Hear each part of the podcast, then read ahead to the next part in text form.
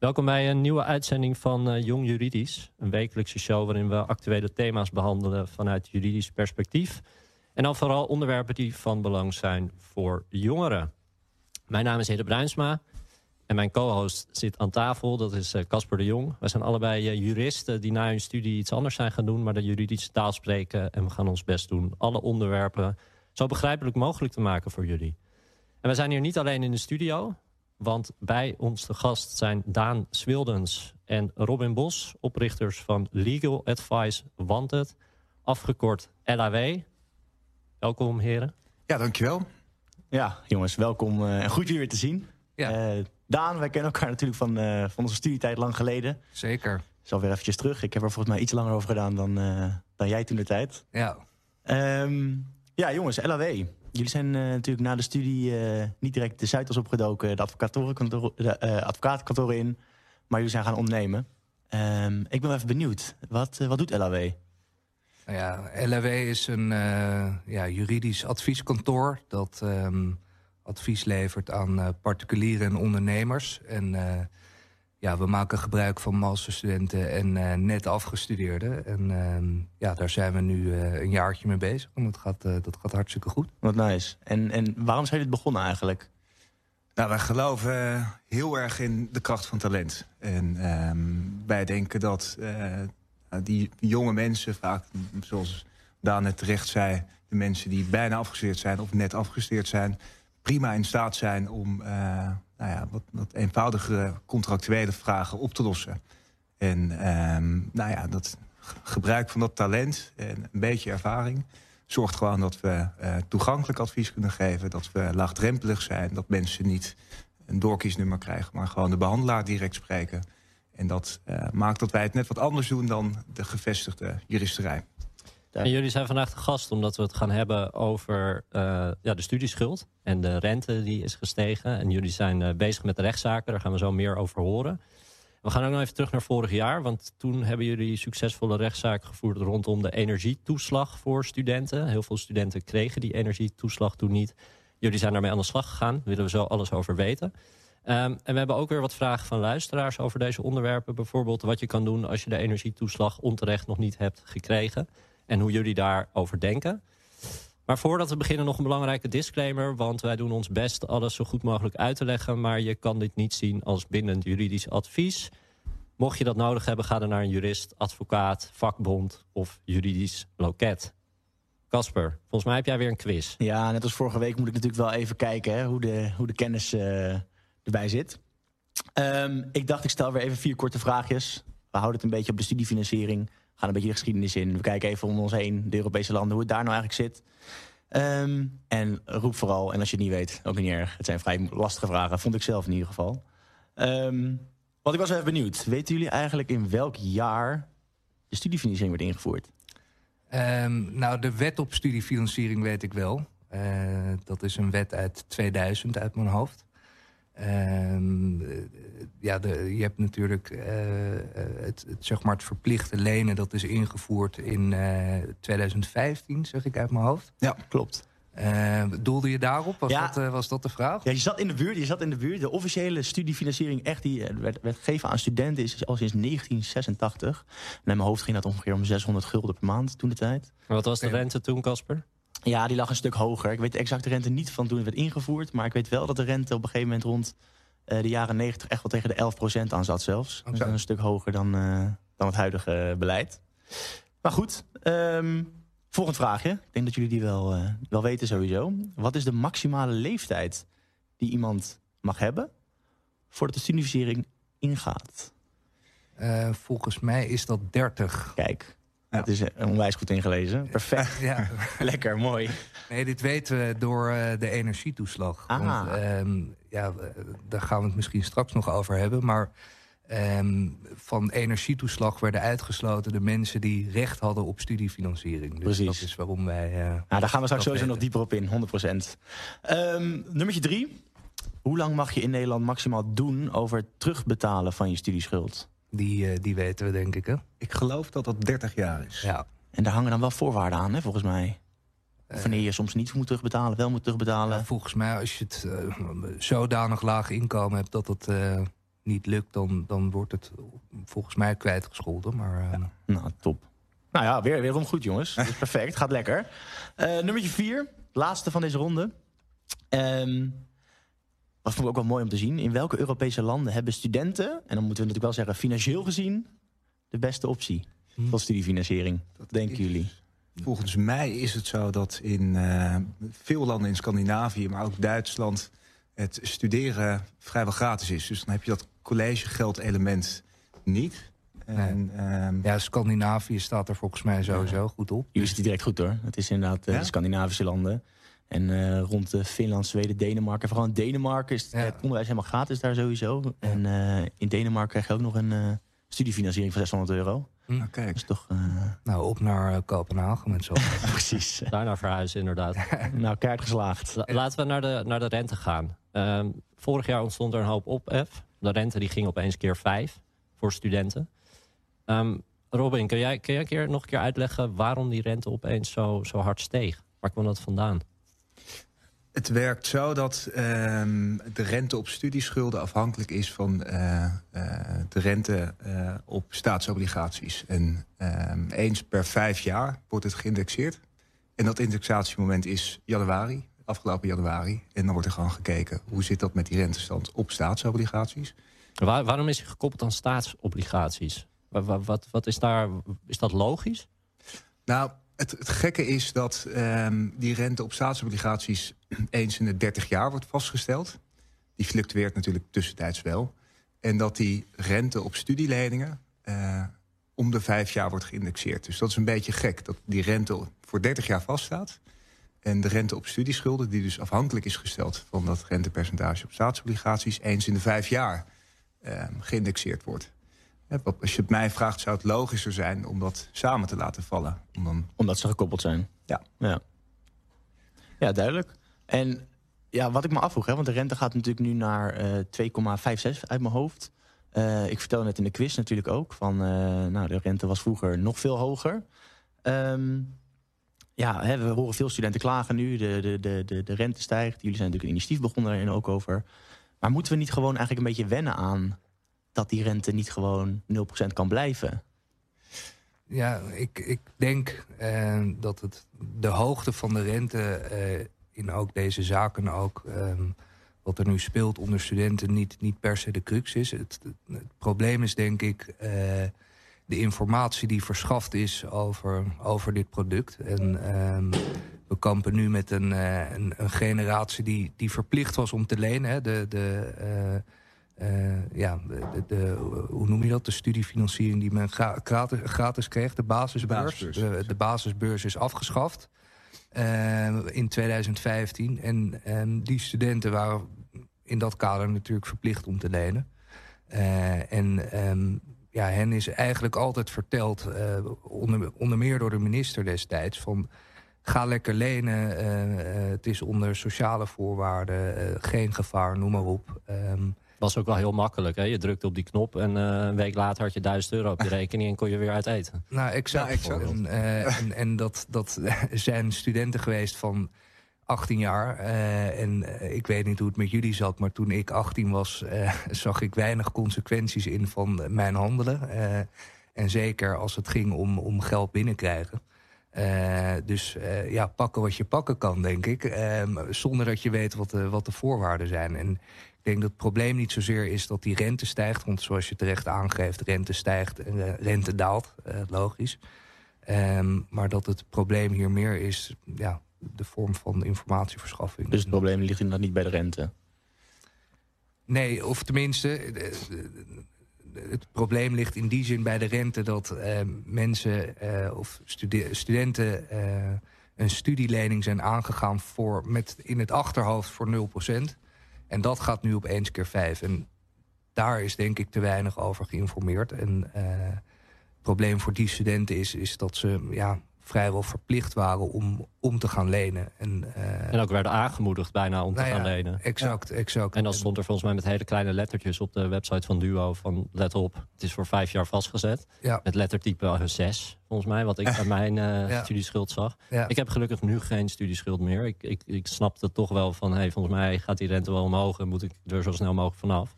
Hadden studenten dat, hadden ze zelf daarachter kunnen komen? Waren er mogelijkheden om daar, om daar misschien wat meer over te weten te komen?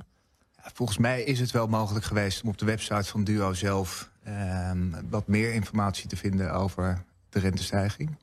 Maar het probleem is juist dat vaak mensen van 17, 18 jaar oud op die website terechtkomen. En inderdaad, zoals je net terecht aangaf, op zoek zijn naar wat meer geld. Om... Vooral die grote knop zien van storten. Ja, ja. En, en ja, daar naar op zoek zijn. En rondom die knop is er denk ik heel weinig informatie verstrekt... over die risico's die eraan kleven. Ja, Casper, jij, jij hebt die risico's ook niet helemaal gezien. Ik was precies zo'n 17, 18-jarige inderdaad. uh, ik klikte ook graag op de knop. Um, want inderdaad, ik heb toch echt wel een aardige studieschuld. En waar ik me toen, hè, dit nieuws kwam natuurlijk buiten... is natuurlijk veel uh, in het nieuws geweest, veel ophef over geweest. En wat ik altijd een beetje heb me afgevraagd... ja, wat zijn nou echt de concrete gevolgen hè, voor mij? Wat zijn nou nu... Um, ik een hoge studieschuld heb, de rente wordt vervijfvoudigd. Wat zijn nou concreet de gevolgen voor mij, medestudenten... Um, die dit met zich mee gaat brengen? Kun je daar wat meer over vertellen? Ik denk dat een goed voorbeeld is... Uh, we zijn in het kader van deze procedure natuurlijk veel aan het spreken... met mensen uit de praktijk, veel advocatuur en de financiële dienstverlening. En um, daar hoorde van een advocaat. Hij is nu, denk ik, een jaar of drie, vier advocaat. En hij vertelde ons dat hij ongeveer een studieschuld heeft van 40.000, 50.000 euro. Ik denk dat dat vrij gemiddeld is. En um, hij heeft er een uh, rekenmodel op losgelaten. En voor hem zou het concreet betekenen, met zijn advocatensalaris... werkt bij een groot advocatenkantoor... dat hij uh, geen schuld zou aflossen, maar zou opbouwen. Dus dat is dan heel gek. Dan blijf je gewoon jaren, tot in lengte van jaren, je schuld aflossen. Omdat er rente op rente komt eigenlijk. Ja. En op een gegeven moment ben je alleen nog maar rente aan het aflossen. Dus dat initiële leenbedrag is volledig afgelost. Maar blijf je alleen maar rente aflossen. En dat ik, heb, is... ik heb wel eens op Netflix een documentaire gezien over de studieschuld in Amerika. Nou, die was volgens mij dan de rente was 7%. En dan zag je studenten die een schuld hadden van 40.000 dollar. En die was dan na 20 jaar nog steeds 40.000 dollar. Terwijl ze 40.000 hadden afgelost. Maar dat was dan alleen maar rente. Ja. ja. dat is een soort gat waar je natuurlijk niet, niet uitkomt. Nee, en... Oh. nou Zou ik het een... overnemen? Of ja, neem het over. Neem het over. Uh, dat is natuurlijk het probleem. Hè. Je gaat een, een lening aan waarvan je, uh, het idee is dat je een lening terugbetaalt. En met dat idee ben je ook waarschijnlijk een lening aangegaan. En ja, dit zijn gevallen van mensen die het nooit gaan aflossen. En nou ja, daar kan je wel wat, wat kritische vraagtekens bij zetten, denk ik. Ja, en jullie, jullie willen nu een rechtszaak gaan voeren, of in ieder geval samen met studenten, hoe, tegen Duo. Hoe gaat dat in zijn werk? Dat proces. Dat proces. Nou, um, allereerst is het noodzaak om um, eerst Duo eens aan te schrijven. Uh, ze noemen dat een rouwelijks dagvaarden. Uh, dat kan niet. Uh, eerst moet Duo worden aangeschreven en daar moet Duo de ruimte krijgen om te reageren op de bezwaren die we hebben. En dat ziet dan met name inderdaad, zoals Daan aangaf, op de informatieverstrekking. Uh, maar dus jullie sturen Duo een brief en ja. daarin staat van... hey, jullie hebben niet voldaan aan je informatievoorziening... en om die reden willen wij dat studenten uh, de schuld... Uh, ja, wat, staat, wat staat er in zo'n brief? Wat willen jullie van Duo? Nou, wat we, wat we willen gaan vorderen... en ik moet wel de eerlijkheid gebied te zeggen... dat we in, een, in een prille fase zitten... omdat we funding nodig hebben. Dus wij gaan straks ook wel even van de gelegenheid gebruik maken. Om, ben je nu aan het doen volgens mij? het komt eraan. Uh, nee, um, we zitten in een vrij prille fase. Maar wat, wat, wat ik zo voor me zou kunnen zien... is dat je zegt... Um, voor mensen die uh, afgesloten hebben op 0%... Um, blijft dat uh, rentepercentage op 0%. en dan kan je gewoon een verklaring voor recht vorderen... dat dat het geval zou moeten zijn. Verklaring voor recht moet je even uitleggen. Uh, verklaring voor recht is dat je nou, letterlijk aan een rechter vraagt om een situatie te verklaren zoals jij hem voorstelt. Dus dat een rechter zegt, uh, die rente moet inderdaad op 0% blijven voor deze studenten. Dat is juridisch gezien uh, juist. En dat doen jullie dan in het belang van alle studenten die zich aanmelden? Of? Nou, we zijn nog aan het onderzoeken hoe we de procedure uh, formeel gaan insteken. Je hebt twee opties. Dat is ofwel een WAMK-procedure. Een, een WAMK-procedure? Eigenlijk zo'n belletje nodig, hè? Ja, ja. ja net als, dat is bij een andere podcast in, in, volgens mij. In, Precies, ja. Nee, dat is de, de, de wet uh, met de, de, collectieve actie. Uh, dus dan kan je um, ja, namens alle belanghebbenden in één keer procederen, zeg maar. Nou, dat is wat technisch om nu helemaal uit te diepen. Um, maar dan voer je in principe namens iedereen een procedure. Ja. Andere optie is om namens een aantal individuele eisers te gaan procederen. Um, maar wat we uh, natuurlijk voor recht verklaard willen hebben... waar ik net al heb over uitgeweid wat dat betekent... maar is dat duo in deze onrechtmatig zou gehandeld zou hebben. en dat heeft in die zin wel een macro-effect. Dus... En dat zou dan misschien betekenen dat mijn rente in ieder geval naar 0% gaat? Uh, nou ja, als dat allemaal lukt, dan uh, uh, kan jij vervolgens met dat vonnis dat wij verkregen hebben... omdat wij de rechtszaak hebben gewonnen, je eigen zaak starten en zeggen... hé, hey, mijn rente moet ook naar nul. en het mooiste zou natuurlijk zijn als Duo dan zegt... nou, de jongens hebben gelijk gekregen, dus laten we die rente voor deze... Om een soort, beweging, om een soort beweging te starten. Nou ja, kijk, dat is natuurlijk het, het, het, dat zou het mooiste zijn. Ja, we gaan zo nog even met jullie door over jullie zaken rond de studieschulden. Maar Casper, je hebt een luistervraag eh, binnengehad. Yes, ja. Even kort behandelen. Elke week bewandelen we wat luistervragen natuurlijk. En uh, ik moet zeggen, we kregen een hoop binnen bij jullie. Mm. Uh, ik heb een vraag van Aisha. Um, zij vraagt mij, uh, ik begin aankomend jaar met mijn studie bedrijfskunde... en ik ga op kamers. Ik weet dat het leenstelsel nu is afgeschaft zoals het was... Um, maar moet ik ook rente gaan betalen op de studiefinanciering die ik wellicht nodig heb? Ik denk haar, haar vraag ook meer doelt op de, rente die misschien wordt gegeven op ook de gift nu, die uh, voor studenten beschikbaar is. Ja, dat klopt. Um, je hebt die basisbeurs, die is weer ingevoerd. Um, dus het is mogelijk om weer geld te ontvangen zonder dat je dat hoeft terug te betalen. En daar hangen wel enkele voorwaarden aan. Uh, onder andere dat je binnen tien jaar, geloof ik, je studie afrondt. Um, ook blijft het volgens mij mogelijk om te blijven lenen. Daar ziet die uh, rente uiteraard wel op.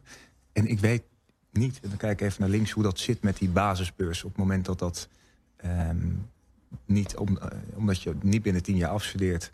hoe dat dan werkt op het moment dat je hem dan terug moet betalen. Ja, wij hebben denk ik alle drie en misschien wel vier eh, niet uh, gestudeerd tijdens de basisbeurs. Uh, ik wel. Ik ben al best oud. En, en hoe werkte dat? Moest je, moet je... gewoon, als je binnen een bepaald aantal jaar afstudeert, dan was het een gift. En dan hoefde ja. je dat dus niet terug te betalen. En dan ja. kreeg je een paar honderd euro per maand ja. cadeau. Eigenlijk. Dat is met het OV ook een beetje zo ja. gegaan, toch? Ja, Precies, is, ja, uh, exact. Mijn OV was ook gratis. Het advies ja, dat, dat, was bij mij ook, hoor. Ja. Uh, Volgens mij maakt het dan gewoon concreet deel uit van de schuld die je aflost. En ja. dus geen... Het advies aan Aisha zou zijn van studeer binnen tien jaar af, leen exact. niet te veel. Want die leen niet te veel. En uh, daar moet je dus wel degelijk rente over betalen. Dus bij deze de disclaimer namens Duo. die rente die, uh, die, die komt er zeker af. Let op, lenen kost geld. Exact. Ja. Straks nog meer over de studieschuld en de succesvolle rechtszaken die LAW voerde over de energietoeslag. Daar hebben jullie uh, succesvol rechtszaken over aangespannen. Vorig jaar, volgens mij. Hoe is dat volgens afgelopen voor de studenten die uh, jullie hebben geholpen? Ja, goed, denk ik. veel studenten hebben de energietoeslag alsnog gekregen. Amsterdam gewonnen, Utrecht, dat was per, per, gemeente eigenlijk een zaak. Ja, ja dus wij zijn uh, in alle uithoeken van het land uh, geweest om, uh, om te procederen. En, um, kan je heel kort uitleggen waar jullie precies tegen procedeerden? Tegen gemeente college van BMW. En, um, Omdat zij de energietoeslag niet wilden uitkeren aan studenten? Ja, ja exact. College van BMW moet je ook even uitleggen voor de luisteraars. college van burgemeester en wethouders, dat is het, het, orgaan dat hierover gaat binnen, binnen de gemeente. En um, ja, zij beslissen uiteindelijk of, of, of de betreffende student de energietoeslag zou krijgen of niet. En waarom, waarom kregen die studenten in eerste instantie die energietoeslag niet? Want ieder ander persoon kreeg hem wel, toch? Ja, het, begon met landelijk beleid. Op een gegeven moment kwam de minister met het plan om huishoudens uh, een tegemoetkoming te geven voor de gestegen energielasten. En in dat landelijke beleid stond dus ook, eh, dat wordt dan lokaal, provinciaal wordt dat uitgevoerd. En in dat beleid stond ook het advies om studenten van die toeslag uit te sluiten. En uh, nou, dat beleid is, dat advies is opgevolgd door de verschillende gemeenten. Enigszins bijzonder natuurlijk. Ja, en de gemeenten zijn dat gaan uitvoeren. En uh, daarvan, daar vonden wij wat van, van die uitsluiting. En de motivering, dan gaat het met name om de motivering. Nou, en toen zijn we namens uh, enkele duizenden studenten naar de rechtbank gegaan... en hebben de rechter de vraag voorgelegd. Mag dat? Mag, die student, mag de studentenpopulatie als categorie worden uitgesloten van zo'n energietoeslag? En je zei net al, in meerdere gemeentes dus uh, goed nieuws in die zin voor de studenten. Ja, Wat gaven ze aan? Eh, Tenminste, wat gaf de recht- rechtbank aan op jullie, op jullie, eh, op jullie vraag? Nou, eh, eigenlijk precies wat, wat wij in ons eh, be- beroepsschrift schreven... en ook tijdens de zitting eh, aanvoerden... is dat de uitsluiting van studenten onvoldoende gemotiveerd was. Dus als je een, een categorie, een groep uitsluit... En, eh, ehm, nou ja, dan heb je het ook over het gelijkheidsbeginsel. Dat soort discriminatie bijna, toch? Nou, exact. En, en daar, daar zijn we ook wel op gaan zitten. Kijk, ehm, eh, je sluit een hele groep uit en dat, dat kan op zich. Maar dan moet je wel verdomd goed motiveren waarom je die groep uitsluit. En, en dat ja, vonden wij onvoldoende. En de rechter was het... eh, Want wat daar- was die motivatie in eerste instantie? Nou, die, die was eigenlijk eh, dat, dat studenten eh, heel divers wonen. En eh, daar, daar stokt het een beetje. En dat is natuurlijk wel wat beperkt, dat, dat kunnen jullie je voorstellen. En ja, aan ons de taak om ja, te bepleiten dat er vast wel studenten zijn... die anders wonen dan niet-studenten. Maar is dat dan voldoende om aan te nemen dat ze als hele groep... geen recht meer hebben op die energietoeslag? Nou, wij dachten van niet. En eh, dat bleek ook zo te zijn. En ehm, ja, het, eh, ook wel gênante passages hebben de eh, revue gepasseerd in die zin. Dat studenten altijd kunnen terugvallen op hun ouders. Dat eh, studenten kunnen, kunnen bijverdienen naast hun studie. Nou ja, dat Wat zijn natuurlijk ook niet waar hoeft te zijn. Nee, zeker nu niet. En gelukkig is dat zo, hè, dat, dat eh, studeren veel toegankelijker is... en dat het niet meer de kinderen van eh, Ja. de, de arts en de advocaat zijn... maar dat, dat, het, dat iedereen kan studeren. Ja. En dan is het dus ook helemaal niet vanzelfsprekend... dat je terug kan vallen op je ouders, Nee. financieel gezien. En heb je het idee dat, dat de overheid dan nu toch een beetje is gaan, gaan kijken naar hoe, we dat, hoe ze dat anders moeten gaan doen? Ehm, in die zin, jullie hebben natuurlijk een duidelijk eh, de vinger op de zere plek gewezen. In die zin van, er wordt een groep uitgesloten. Ja. Merken jullie daar nu ook iets van in de praktijk? Merken jullie dat er anders naar, naar wordt gekeken? Nou, nou zeker. Eh, en eh, ik denk dat Robin dat goed kan toelichten. Maar het is nu verankerd in de par- participatiewet. Eh, Nou, dat hebben jullie wel mooi voor elkaar gekregen dus. ja, nou ja, Indirect. indirect voor elkaar gekregen, ergens mooi voor elkaar gekregen, maar aan de andere kant eh, niet. Want dat betekent dat het nu. eh, ehm, Want wat is de participatiewet? eh, ja, dat is eh, de, de wet die ziet op eh, bijstand. Dus eh, dit was een vorm van categoriale bijstand. Eh, en ehm, eh, ja, het, het is nu verankerd in die wet dat studenten zijn uitgesloten. En, ehm, ja. Ah, dus juist eigenlijk andersom is het gegaan. Nou, Ja. Er is wel een aparte regeling gekomen voor die studenten. Ja, Dus studenten die, en daar zijn er allemaal voorwaarden aan, aan verbonden. Ehm, maar studenten kunnen, hebben een aparte regeling en kunnen aanspraak maken op een vorm van studenten-energietoeslag dan. Ehm, dus dat is nu zo geregeld. Dus in die zin hebben we ergens, eh, eh, is dat succesvol geweest voor dit jaar. Maar de voorwaarden zijn nog steeds waarvan ja, wij twijfels hebben of dat stand houdt. Ja, het, het probleem alleen is, is dat het dus nu verankerd is in de, in de participatiewet. En dat eh, ja, het, het toetsingsverbod met zich meebrengt dat, je, eh, dat een rechter eh, ja, dat gewoon moet, moet toepassen Ik, natuurlijk. ik denk als jij een belletje had gehad nu, Casper, dat je de hele tijd aan het bellen was. Ik was aan het... ik, ik wil nog wel even naar jullie bedrijf. Want we hebben het aan het begin eh, hebben we het wel even gehad over Ja. wat jullie nou precies doen. Ehm, maar wat voor andere juridische procedures pakken jullie allemaal op? Want ik kan me voorstellen dat jullie veel meer doen dan alleen maar de overheid aanklagen. Ja, nee, gelukkig, gelukkig wel. Ehm, nou, we, we hebben gewoon een, een verbindenisrechtelijke praktijk. Dus eh, ehm, contractenrecht, aansprakelijkheidsrecht, dat is waar we, waar we ons op focussen. En ehm, ja, die is eigenlijk eh, heel afwisselend. Dus nou ja, we staan eh, MKB'ers bij, maar ook particulieren. En dat gaat van adviezen schrijven tot procederen bij de kantonrechter. Ehm, Dan begrijp ik het goed dat er heel veel studenten bij jullie werken? ja, Ja, dat is. eh, wij merken gewoon dat eh, met name studenten die in die masterfase zitten, of net eh, die, die master binnen hebben, dus meester in de rechten zijn, eh, dat die heel goed in staat zijn om dit soort adviezen uit te brengen of te procederen. Die hebben de kennis eigenlijk al. Ja. En die kunnen ergens anders, worden ze misschien vaak niet aangenomen omdat ze nog student zijn. Ja, of, of, in een tussenfase. hè. Kijk, ehm, eh, veel eh, net afgestudeerden kiezen ervoor om nog even te chillen. eh, misschien een halfjaartje naar Bali te gaan voordat ze op de, op de Zuidas eh, Met dat geleende geld. met dat geleden geld Jezelf vinden. ja, Ja. jezelf vinden voordat je 80 uur per week op de Zuidas gaat werken. Ehm, maar diezelfde eh, mensen die zijn natuurlijk een half jaar later bij de grote kantoren opeens 350 euro per uur waard. Eh, eh, Ja, dat, doet wel wat met je. ja, nee, exact. Nee, maar die, die, die kunnen best wel veel. En ehm, eh, ja, ook masterstudenten die kunnen meer dan broodjes smeren bij Toscanini, om het maar zo te zeggen. Die kunnen, die kunnen echt wel ja, op juridisch vlak wat, wat toevoegen. En dat is wat we, wat we proberen. Ja. Klinkt goed.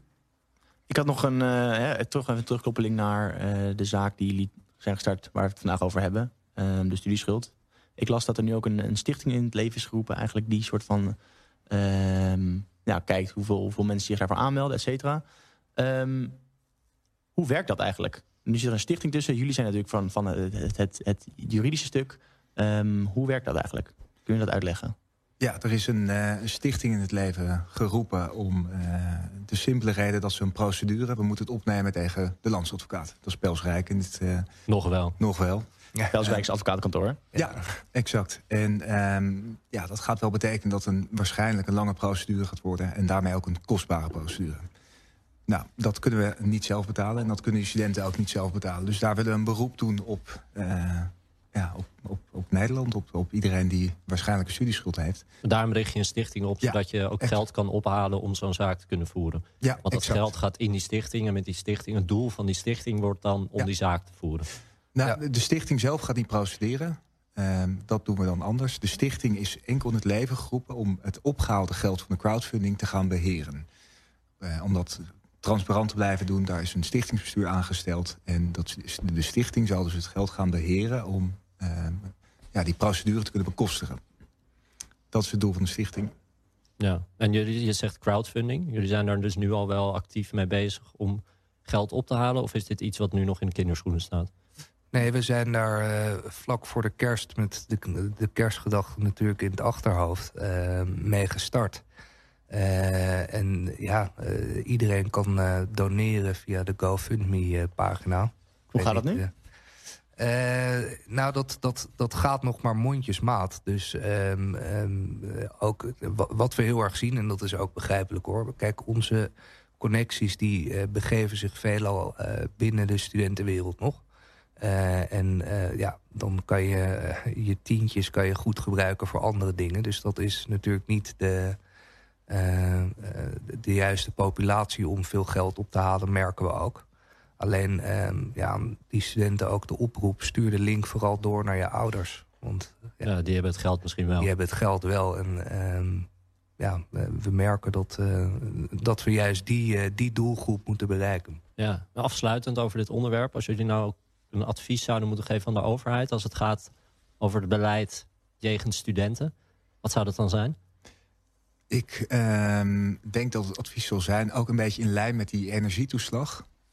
Denk niet te makkelijk over die studentenpopulatie. En kijk naar de zorgplicht die voor ook de staat in dit soort geval gewoon geldt. En help die student, adviseer die student en verstrek voldoende informatie.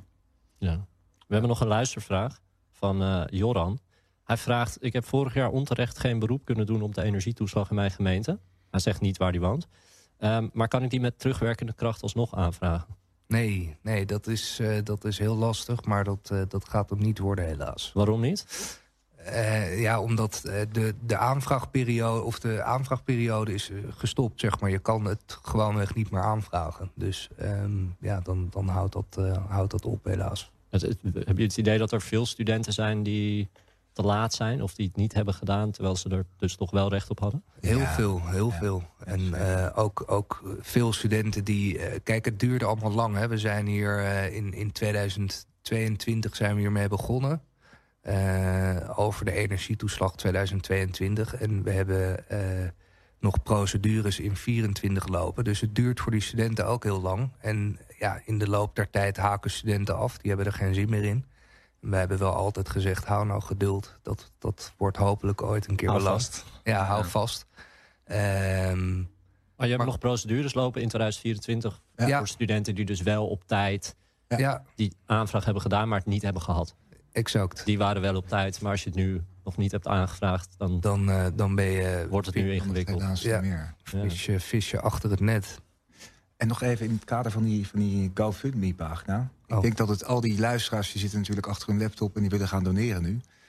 Ga naar de website van GoFundMe... en zoek daar op het project rentestijging. En dan vind je jullie een mooie pagina waar je geld kan doneren. Exact, informatie over de stichting, dat wilde ik toch nog even gezegd hebben. Ja. Zeker. En voor een grote belang natuurlijk. Zometeen hoor je waar, eh, waar jullie nog meer aandacht voor willen vragen. En krijg je antwoord op de vraag of een daling van de rente het probleem van de studieschuld niet op korte termijn gaat oplossen. Vertel. Nou, het, eh, ja, we hebben het er net eh, met Casper even over gehad. Het is een gênante vorm van eh, zelfpromotie.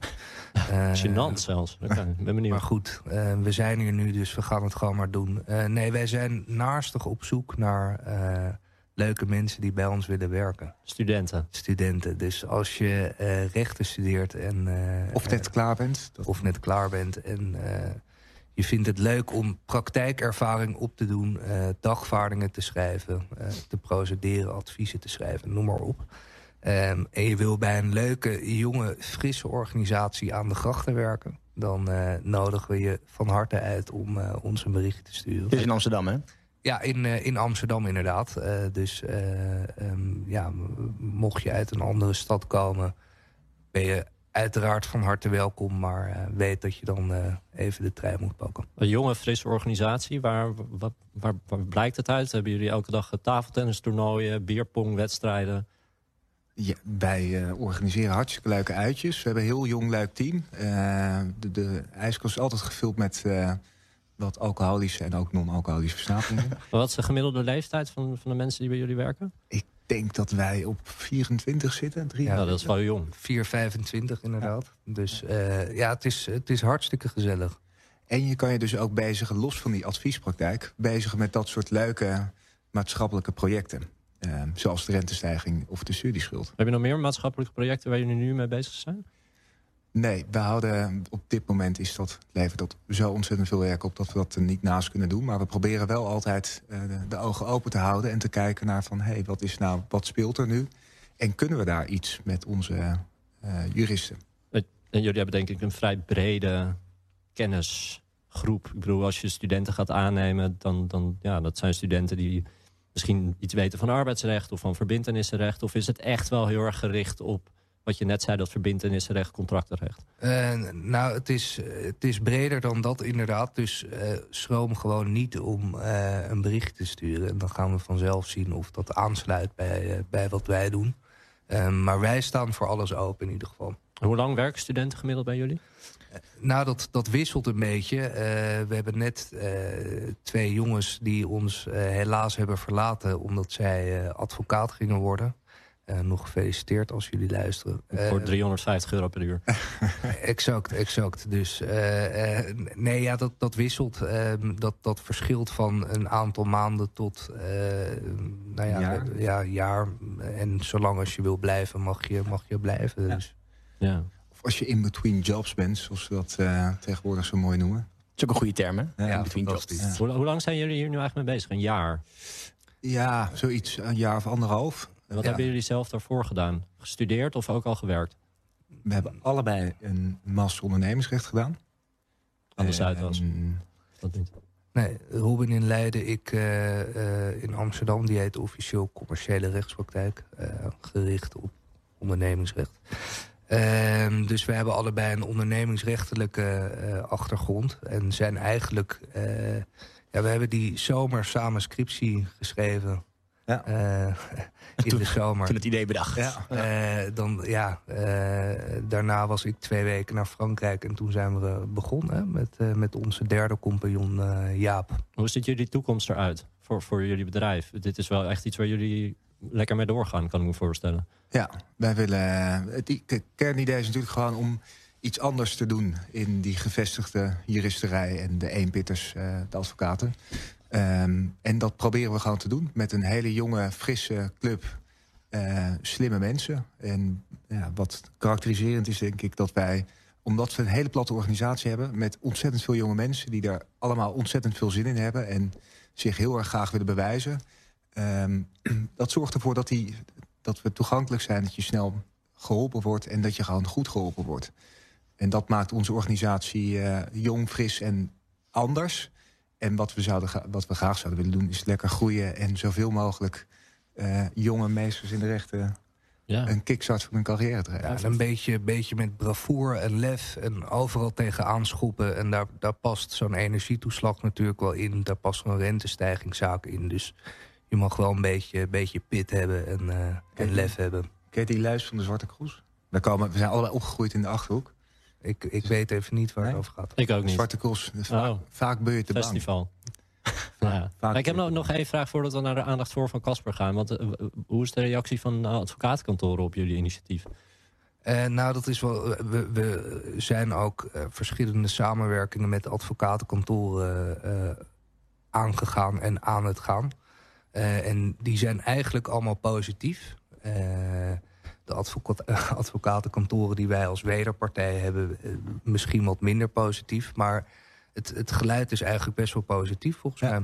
Iedereen wil een steentje bijdragen. Dat is wel heel erg leuk om, uh, om te horen en te zien. En uh, dat is ook een oproep aan de luisteraar die denkt van... hé, hey, misschien kan ik wel helpen. Ja. Uh, meld je bij ons. Er zijn heel veel mensen die... Nou, genoeg promotie gemaakt. Casper, we gaan even naar jouw aandacht voor. Ja, mijn aandacht voor. Ik heb vandaag ook weer wat meegenomen natuurlijk. Het is een beetje meer een tip, denk ik, dan aandacht voor vandaag. Want ik was vorige week een beetje door het nieuws aan het scrollen. En toen kwam ik eigenlijk een artikel tegen wat ik wel heel, heel interessant vond. Ehm, het had te maken met... Ja, was een groot nieuwsbericht over hoe Nederland eventueel betrokken zou zijn geweest... bij een sabotagemissie in Iran wat betreft kernwapens. Dus dat trok mijn aandacht. Um, ik ben dat uh, uitvoerig gaan lezen en um, in het artikel kwam ik er ook achter dat er een documentaire serie over gemaakt is. Dus ik ben dat uh, gaan kijken eergisteren. En ik was echt onwijs onder de indruk. Uh, Hoe heet die documentaire serie? En niemand die het ziet. Het gaat dus over een, een journalist. Die heeft eigenlijk onderzoek gedaan naar dat, die hele betrokkenheid. Bijzonder verhaal, meeslepend verhaal. Uh, ik zou in ieder geval iedereen willen aanraden om het te gaan kijken. Heeft natuurlijk ook een juridisch tintje allemaal. Ja, wat dus, even een juridisch tintje. Wat, wat is de juridische ja, de, de, de, hele inlichtingoperatie, hoe dat natuurlijk in de wet is geregeld. Uh, wat wel gemeld moet worden, wat niet mag. Um, ja, want hier bleek dat een Nederlander erbij betrokken was zonder dat Nederland het wist, volgens mij. Ja, dat, dat wordt gezegd. Dus het is allemaal heel suggestief. Het is nog allemaal. Uh, de, de, de instanties mogen natuurlijk niks uh, bevestigen, nog ontkennen. Ja. dus het is allemaal een beetje in het midden. Het is, het is een, een spannend verhaal in ieder geval voor als je een goede documentaire serie wil kijken. Dus ik dacht, ik neem die vandaag mee dan uh, heb je vanavond op de bank nog wat te doen. Dat gaat over het Stuxnet-virus, toch? Yes, exact. Dus het gaat over een, een, een, een, een virus, een worm wordt dat genoemd. Die, uh, een soort virtuele atoombom. Exact, exact. Dus echt over, ook, ook, het gaat ook deels over de cyberwar. En dat is natuurlijk nu ook interessant met alles wat er in de wereld gebeurt. Dus ik zou echt uh, nogmaals aanraden... ga vanavond even naar NPO en, uh, en bekijk deze documentaire. Ja, dus als je Winterliefde hebt uitgekeken en uh, dan... Uh, winterliefde, wat is dat dan weer? ja, dat is natuurlijk wat iedereen kijkt, hè? Natuurlijk. Oh, ja, ik heb nog nooit van gehoord. Oké, nee, dan, dan zou ik het houden bij de documentaire die Casper uh, zojuist voorstelde. Ja. Casper, we hebben nog twee luistervragen. Yes, ja, ik zal weer even jullie een luistervraag voorleggen. want Max heeft ons benaderd en die vraagt... Um, het lijkt erop alsof de rente alweer gaat dalen dit jaar. Gaat dit, gaat dit het probleem van de hoge rentebetaling op de studieschuld niet vanzelf oplossen?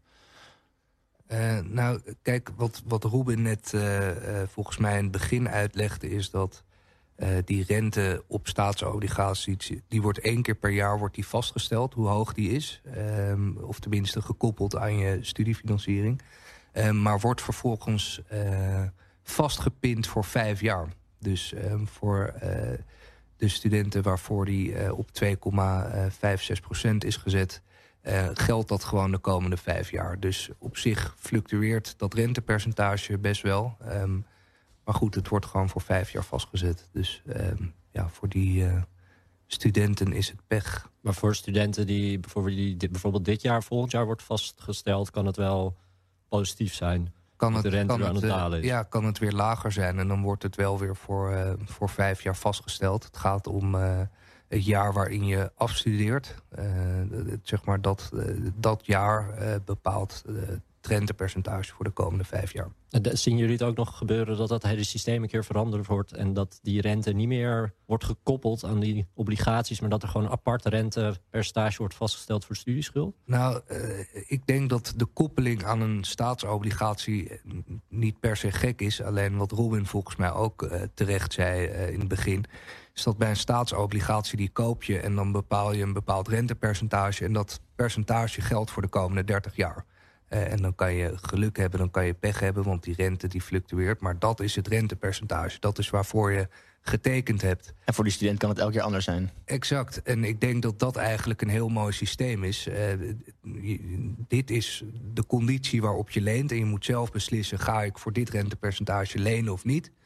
En dat is het. En dan kan je eh, geluk hebben, dan kan je pech hebben. Maar dat, ja, zo werkt de wereld. Dus Max moet hopen dat hij in het juiste jaar begint. Of tenminste in het juiste jaar afstudeert. Ja. Exact. Dus ehm, Max, ook daar heb je zelf invloed op. Ja, gewoon doorstuderen. Doorstuderen tot de rente. Niet te lang in de kroeg zitten. Ik heb nog een vraag van eh, Natasja.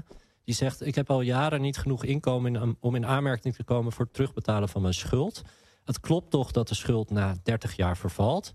En wat als ik opeens wel genoeg verdien? Wordt het bedrag dan ook verhoogd door de rente in de jaren dat ik niet heb kunnen afbetalen? Twee vragen zijn het eigenlijk. Ik kijk naar rechts. Ik, ik eh, denk het niet. Ik denk dat je gewoon op een gegeven moment... dat je draagkracht bepaald wordt... eh, ehm, als je genoeg verdient. Eh, en zoals jij terecht zei...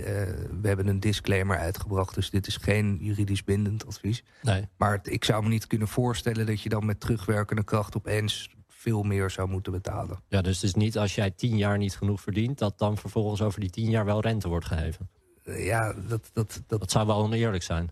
Nog Dat- oneerlijker. dat zou nog, nog oneerlijker zijn. Eh, nee, dat durf ik eigenlijk niet met zekerheid te zeggen. Ik kijk ook even naar Robin. Nee, nee, ik zou het niet met zekerheid. eh, ik sluit me aan bij. Oké, dan, dan hebben wij daar helaas geen antwoord op. En die eh, 30 jaar, dat, dat, is, dat klopt wel. Hè? Als jij 30 jaar, of na 30 jaar vervalt die schuld volgens mij gewoon. Hè?